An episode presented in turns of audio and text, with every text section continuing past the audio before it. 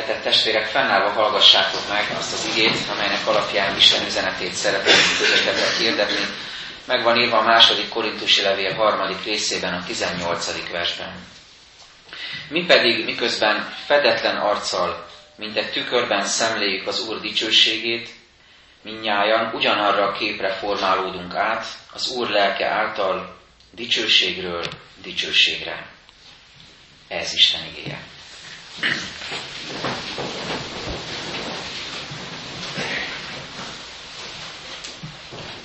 Milyen az egyház ma?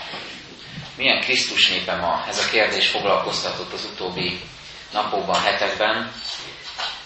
Sok uh, impulzus kapcsán, amik érnek azt gondolom mindannyiunkat. Például a modernkori keresztény üldözések kapcsán, amik uh, a világnak bizonyos tájai nagyon valóságosan, nagyon nyilvánvalóan történnek, és vannak olyan tájak, mint például Magyarország, ahol talán kevésbé, de ugyanolyan valóságosan tetten érhető a keresztény üldözés.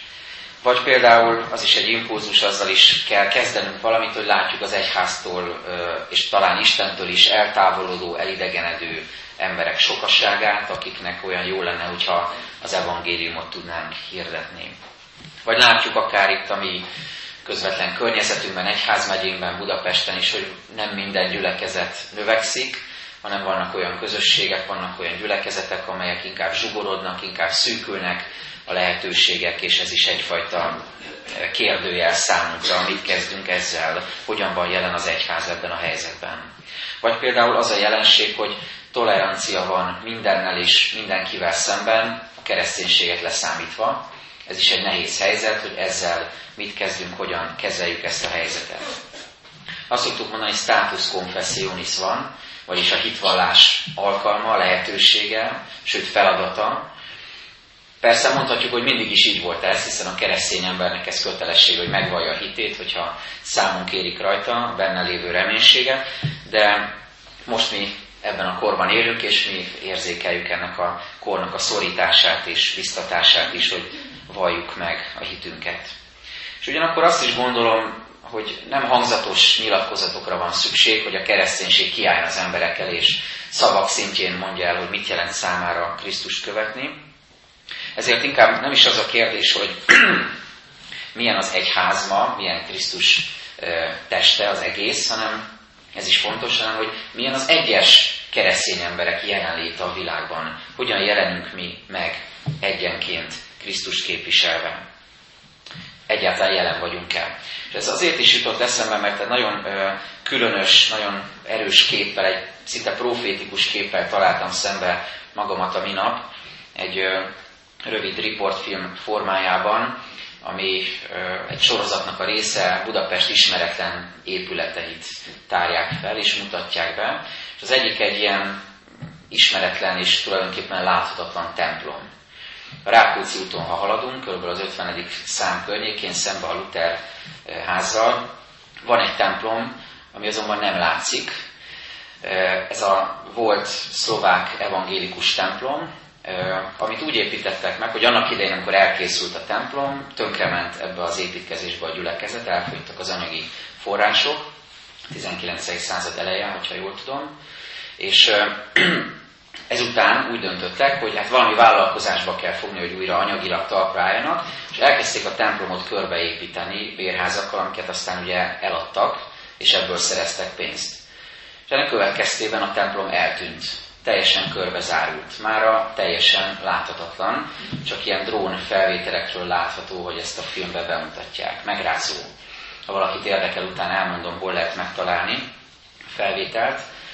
És most nem a gyülekezetről beszélek, hiszen az most is él, létezik egy kis evangélikus közösség ott, van egy terem, amiben régen a régi szlovák iskola, evangélikus iskola működött, egy tanévet még Petőfi is eltöltött ott az öccsével, 1832-33-ban. Tehát létezik a közösség, de ami engem megrendített és, és tovább gondolásra késztetett, hogy a kérdése válaszol, hogy hogyan van jelen az egyház, vajon így van jelen az egyház? Önmagába falazottan, szinte önmagába zártan, és, és a külvilág számára láthatatlan módon. Mert mondhatjuk, hogy ott van a templom, csak éppen nem látszik, csak éppen szinte elérhetetlen, szinte megközelíthetetlen. illetve ami még megrázó volt a filmben, hogy kiderült, hogy a templomot magát már nem használja a gyülekezet, egy imaházban gyűlnek össze mellette, és három szintre lett tagolva a templom, és ebből két szinten egy edzőterem működik.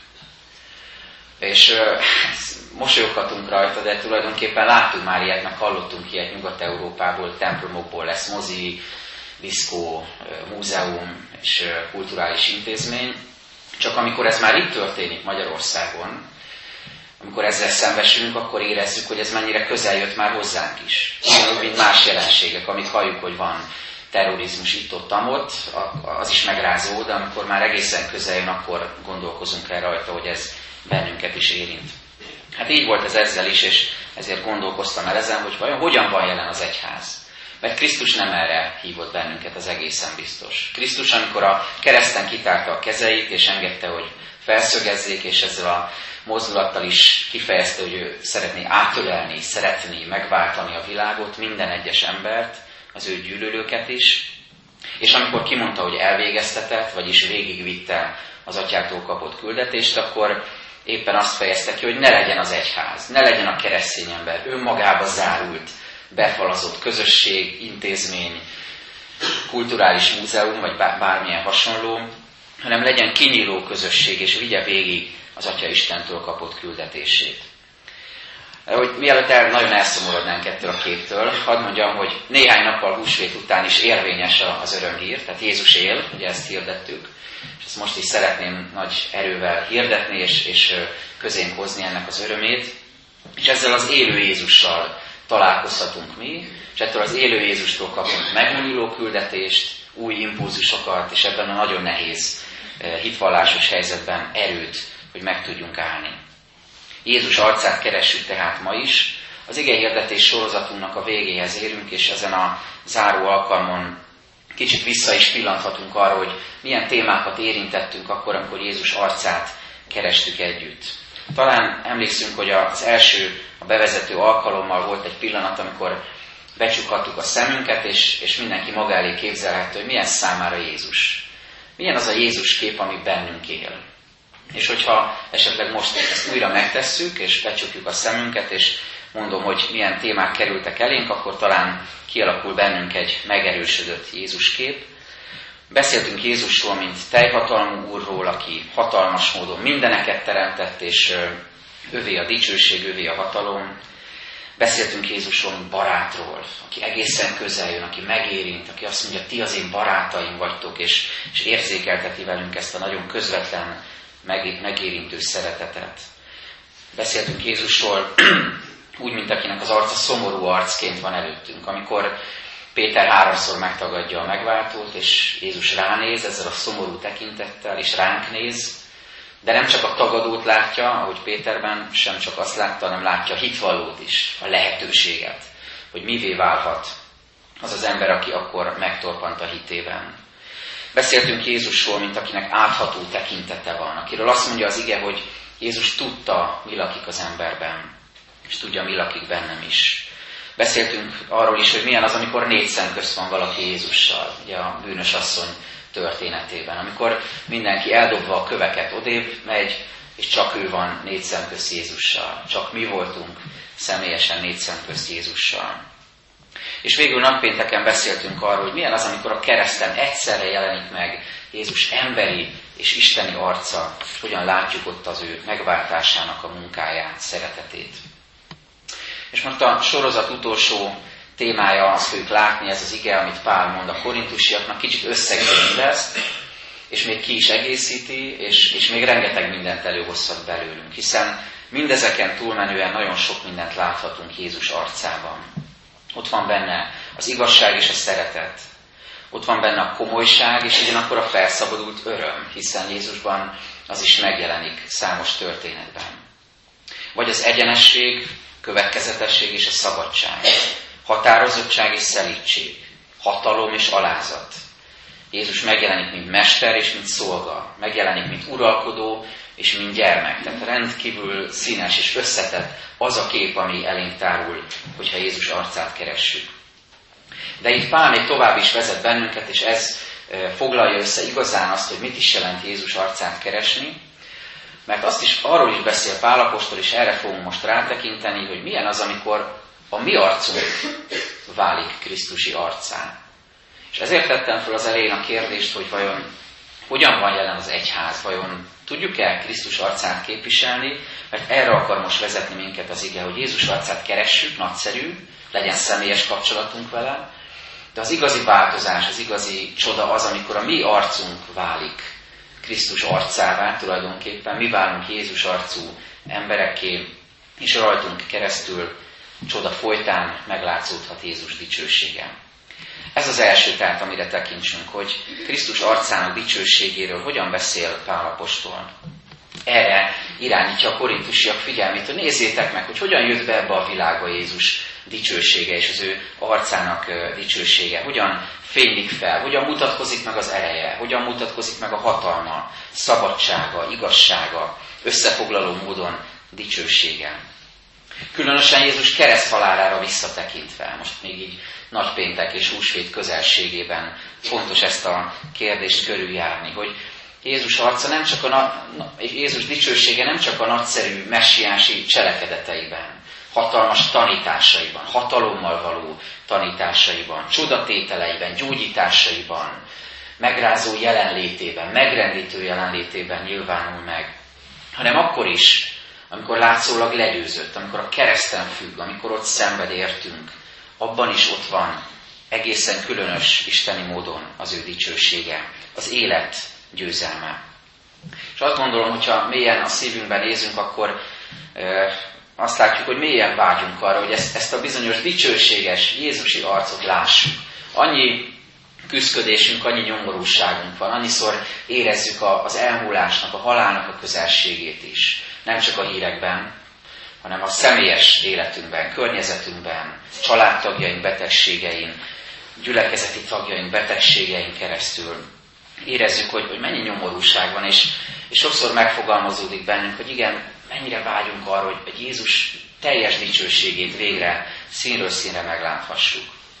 Valahogy úgy, mint egy történetben egy öreg skót hívő, aki a halálos ágyán Eh, küzdött, és meglátogatta őt egy barátja, egy nagyon jó ismerőse, és próbált neki valami vigasztalót, valami eh, bátorítót eh, mondani, és azt mondta neki, hogy ennek a haldoklónak, hogy remélem, hogy amikor átmész majd a halál árnyékának völgyén, akkor egy, egy futó pillantást, egy röpke pillantást majd vethetsz Jézus dicsőséges és drága arcára, megváltó arcára.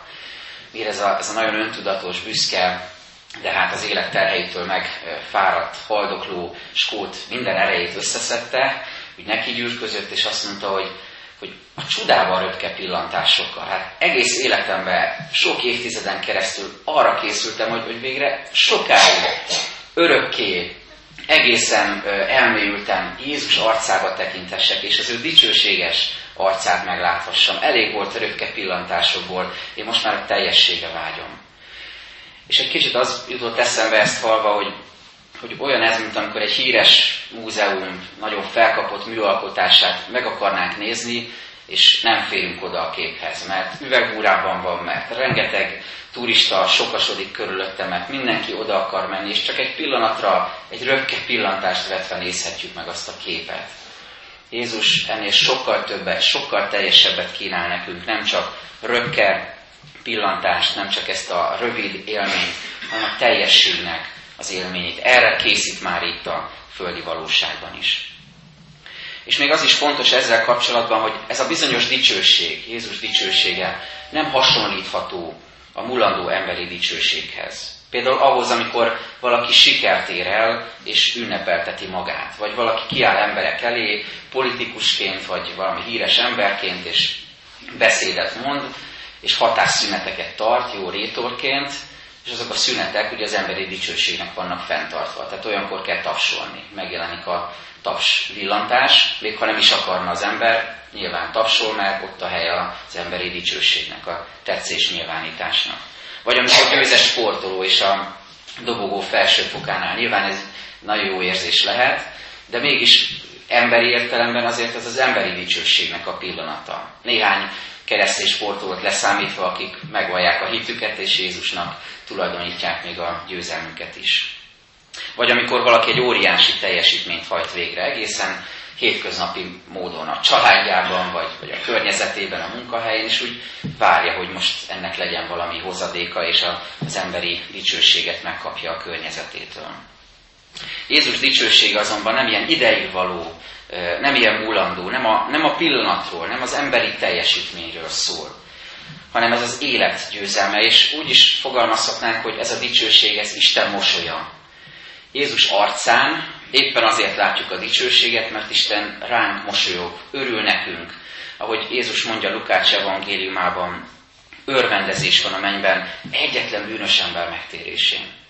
Gondoljatok bele, testvérek, amikor az életünk megváltozott, amikor megtértünk, vagy amikor egy krízis helyzetből kisegít bennünket az Úr, amikor nagy felismerésünk támad a lélek által, amikor valami átkattam bennünk, valami megváltozik, akkor lehet, hogy nem halljuk, talán a lelki füleinkkel, de, de örvendezés van a mennyben. Örülnek annak az angyalok seregei, örül annak az Úr, hogy most valami elindult, valami változott, valami igazán megerősödött bennünk.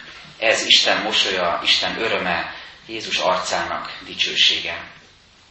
De Pál tovább is megy, és nem csak Krisztus arcának dicsőségéről beszél, hanem arról a nehézségről is, hogy ezt nem mindig tudjuk meglátni. Mert néha valami elfedi előlünk Krisztus arcának dicsőségét. Ezért beszél a fedetlen arcról Pálapostól. És egy nagyon erőteljes előképet használ az Ószövetségből, veszi a példát, olvasom ezt a néhány verset, de az ő gondolkozásuk eltompult, mert az Ószövetség felolvasásakor ugyanaz a lepel mind a mai napig felfedetlenül megmaradt, mivel az csak Krisztusban tűnik el. Sőt, mindmáig valahányszor Mózest olvassák, lepel van a szívükön, de ha majd megtérnek az Úrhoz, elvétetik a lepel. Ja, milyen szép, hogy ezt azért a végén hozzáteszi Pál, hogy, hogy mindenkinek van lehetősége. Zsidóknak, görögöknek, pogányoknak, mindenkinek van lehetősége arra, hogy Krisztusban elvétessen a lepel az arcáról, a szívéről, hogy igazán meglássa a megváltót. De én szeretném, ha túllátnánk magán a képen, mert olyan egyszerű lenne azt mondani, hogy hát igen, zsidó testvérek ugye nem ismerték fel Jézusban a messiást, vagyis lepel van még a szívükön, olvassák Hózest, olvassák a profétákat, de nem jutnak el odáig, hogy Jézus a, a Krisztus. De itt nem csak róluk van szó. És erről beszél Pál Apostol, hogy milyen az, amikor valamiért a mi szívünkön, a mi arcunkon, a mi érzékelésünkön, hitünkön, felfogásunkon is egy ilyen lepel van, és emiatt nem tudjuk meglátni Jézus arcát, dicsőségét. Milyen ilyen lepleink vannak, ezen gondolkozzunk el magunkban ami akadályoz bennünket Jézus meglátásában. A büszkeségünk, a gőgünk, a saját igazságunk, vagy a csalódásaink, a sebeink, sérüléseink, vagy a haragunk, a félelmeink, bármi, ami, ami szorít és lepelként borul az életünkre, a szívünkre.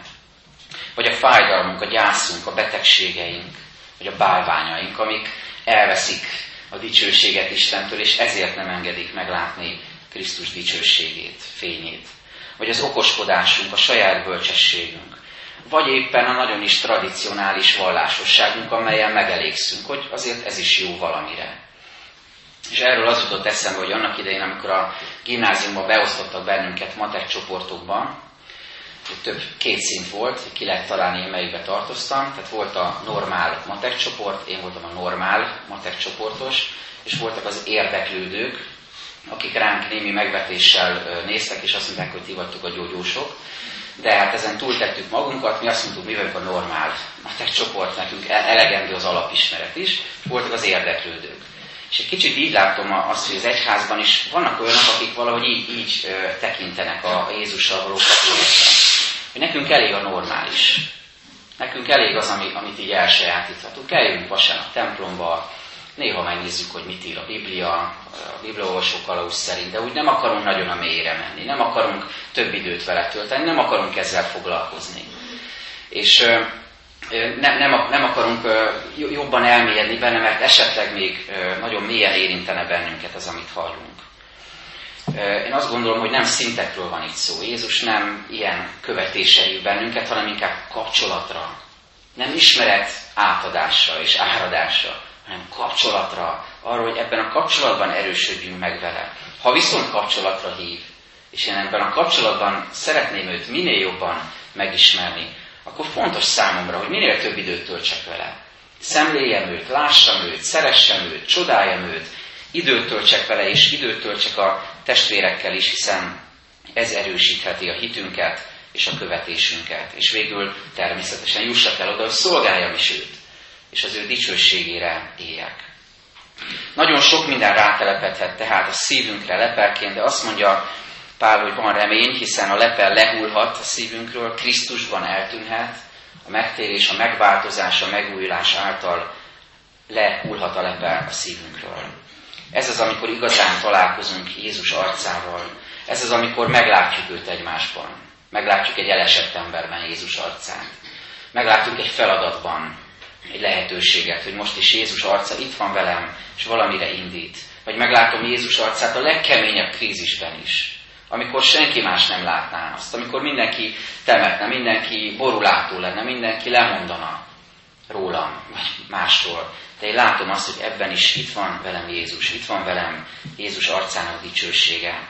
Ez a mennynek az előíze, amit ez a bizonyos öreg skót is látott, és vágyott, és szomjazott.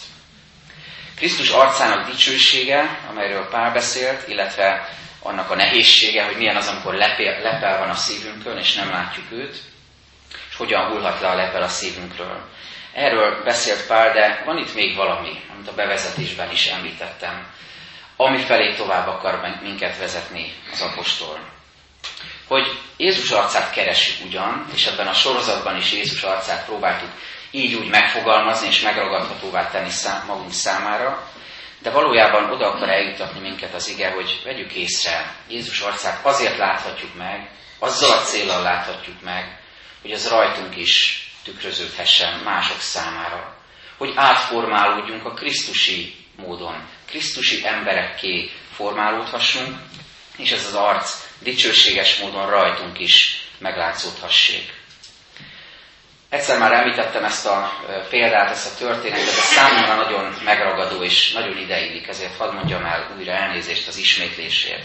Volt egy herceg, akinek görbe volt a háta, és nagyon büszke volt a gazdagságára, a palotájának a pompájára, dicsőségére, hatalmára, de ezt eléggé szégyelte, hogy ilyen görbe a háta. Nem tudja, hogy szépen kihúzni magát, és így kiállni az alatvaló jelé. És egyszer magához hívatta szobrászát, az udvari szobrászát, hogy készítsen róla egy szobrot, de ez a szobor, ez ne legyen görbe hátú, hanem legyen egyenes hátú, amilyen ő szeretne lenni, amilyen vágyálma van, hogy, hogy ő ilyen akar lenni valójában. El is készült ez az életnagyságú szobor, elhelyezték a palotája kertjének egy zugába, ahova csak ő mehetett be, csak ő látogathatta. Ő viszont minden nap oda ment. Időt töltött ezzel a szoborral, ezzel a képpel, szemlélte, nézte, vágyott rá, hogy ő ilyen lehessen. És az alatvalója idő után azt vették észre, hogy kezd kiegyenesedni a háta, de nem csak a háta, hanem még az arca is elkezd megváltozni, elkezd kiderülni, kifényesedni, alázatosabb lenni, szeretetteljesebb lenni. Mondhatjuk, hogy azonosult ezzel a képpel, ezzel a vágyott képpel, ezzel a szoborral. Ez a herceg. Mi, mi nem szobrot imádunk, mi nem szobrokat szemlélünk, nem ilyen ö, általunk elképzelt vágyálmukat dicsőítünk. De az egészen bizonyos, hogyha Krisztus szemléljük, és az ő arcát meglátjuk teljes dicsőségében, időt töltünk ezzel a képpel, ez a kép át fog formálni bennünket. Krisztusivá. Nem leszek ilyen nyomorult, hajlott hátú, szerencsétlen bűnös, mint amilyen vagyok, és tapasztalom ennek a súlyát, hanem egyre inkább átformálódhatok a Krisztusi képre, egyre inkább lehetek olyan, amilyennek Krisztus eltervezett engem. Isten lelke így formál. Meg valahogy úgy, ahogyan egy szintén megragadó beszélgetésben olvastam egy újságban, Mária de Fajkoddal készült az interjú, aki egy magyar származású szobrászművész, akit felkértek arra évekkel ezelőtt, hogy egy szobor sorozatot készítsen Lourdesba, a híres búcsújáró helyre, stációkat jelenítse meg, és ő nem 14-et készített, mint általában szokott lenni, a passió történet, hanem 17-et, mert azt mondta, hogy számára az is fontos, hogy a feltámadást is megjelenítse valahogy, ez csak érdekesség. És volt egy, egy meg, megragadó mondat ebben az interjúban, amikor azt mondta, hogy nem én faragtam Jézust, hanem ő faragott engem. Öt éven keresztül készítette ezeket a szobrokat, gondoljunk bele, öt év.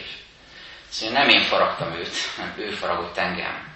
Ő formált engem, miközben alkottam. Ő alakította bennem szent lelkével azt, amit ő szeretett volna kimunkálni.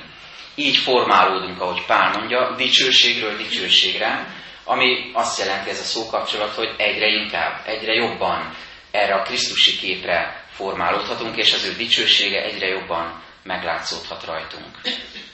Ez a Jézus arcára átformálódó ember azonban szolgálatra, misszióra hívott ember. Szoktuk énekelni az énekes könyvünkből, hogy egy lélekért se érjen vágya téged, hogy te miattad nem látta meg őt. Ez nagyon sokszor megállít ez a mondat, ez a gondolat. Hogy én hányszor vagyok akadály annak, hogy valaki rám nézve meglássa Krisztust. Hányszor olyan az életem, családomban, gyülekezetben, környezetemben, vagy bárhol, ahol járok, egy hivatalban is, hogy, hogy az nem segít másokat abba, hogy meglássák Jézust, hanem inkább akadály, lepel mások felé. Jézus azonban arra ír, hogy ne csüggedjünk el, hogyha ezt látjuk, hogy nem mindig sikerül Krisztust képviselni. Ne csüggedjünk, hogyha mások a fejünkhöz vágják, hogy hát milyen keresztény vagy, te nem is vagy az, csak mondod, csak bizonygatod magadról. Hanem lássuk meg, hogy Jézus milyen embereket hívott el, így fogalmazza ezt Pál az 1 Korintus 1-ben. Sőt, azokat választotta ki az Isten, akik a világ szemében bolondok, hogy megszégyenítse a bölcseket. És azokat választotta ki az Isten, akik a világ szemében erőtlenek, hogy megszégyenítse az erőseket. És azokat választotta ki az Isten, akik a világ szemében nem előkelők, sőt lenézettek.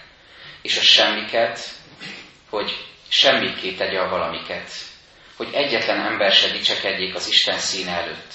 Az ő munkája az, hogy ti a Krisztus Jézusban vagytok.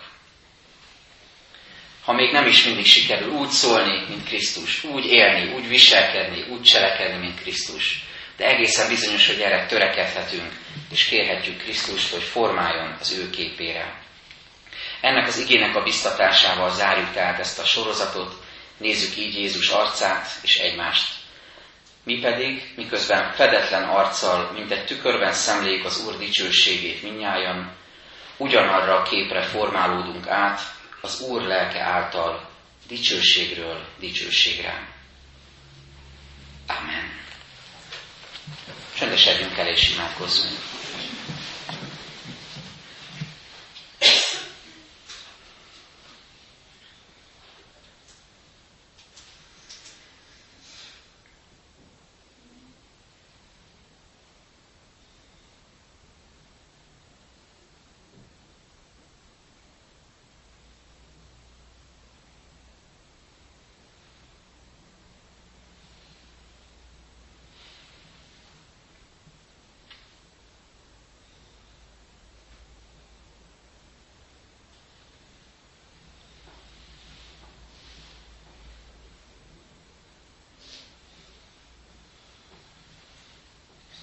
Urunk, köszönjük elcsöndesítő, megállító, inspiráló igédet, amivel biztatsz bennünket, és amivel szeretnél új lendületet, új erőt adni nekünk.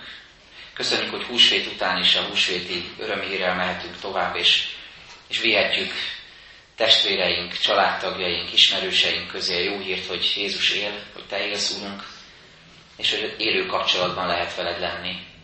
Köszönjük, hogy megszólíthatunk, és Te megszólítasz minket, Köszönjük, hogy szolgáltál nekünk, és mi hálából szolgálhatunk neked és egymásnak. Köszönjük, hogy a te dicsőséged meglátszódhat sok-sok cselekedetedben, amit felénk teszel, és köszönjük, hogyha ez a dicsőség meglátszódhat a mi arcunkon is. Urunk, ad, hogy ragyogó, örömteli, hívő emberek lehessünk, akik még a nehézségekben is készek hűséggel kitartani, és olyankor is rólad beszélni, hogy te adsz erőt, hogy elviseljük a gyászt, a veszteséget, a betegséget, az elesettséget, a csalódásokat, hogy te adsz erőt, hogy kitartsunk a kísértésekben, hogy te adsz erőt, amikor nehéz egy nem hívő közegben megvallani téged, képviselni téged, hogy te adsz erőt akkor, amikor önmagunkban is csalódunk, és látjuk a bűneinket, a korlátainkat, nyomorúságunkat. Te adsz erőt, hogy újra indulhassunk, és, és elfogadjuk a Te bennünk munkálkodó lelked ajándékát, hogy arra a képre formálódhassunk, amit Te terveztél. Köszönjük, Urunk, hogy minden imádságunkat elébb vihettük most magunkban, vagy akár szavak nélkül is csöndben lehettünk előtted, és így is tudod, hogy mi van a szívünkben. Kérünk, hogy legyen a Te áldásod életünkön, és enged, hogy egyre inkább Krisztusi emberek, Krisztusi gyülekezet, Krisztusi közösség lehessünk. Amen.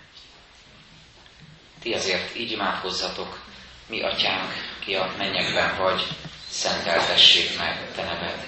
Jöjjön el te országod, legyen meg a te akaratod, amint a mennyben, úgy a földön is. Minden napi kenyerünket add meg nékünk ma, és bocsáss a mi védkeinket, miképpen mi is megbocsátunk az ellenünk védkezőknek. És ne vigy minket kísértésbe, te szabadíts meg minket a gonosztól, mert Téd az ország, hatalom és a dicsőség mind örökké. Ámen. Fennállva énekeljük nemzeti imádságunkat.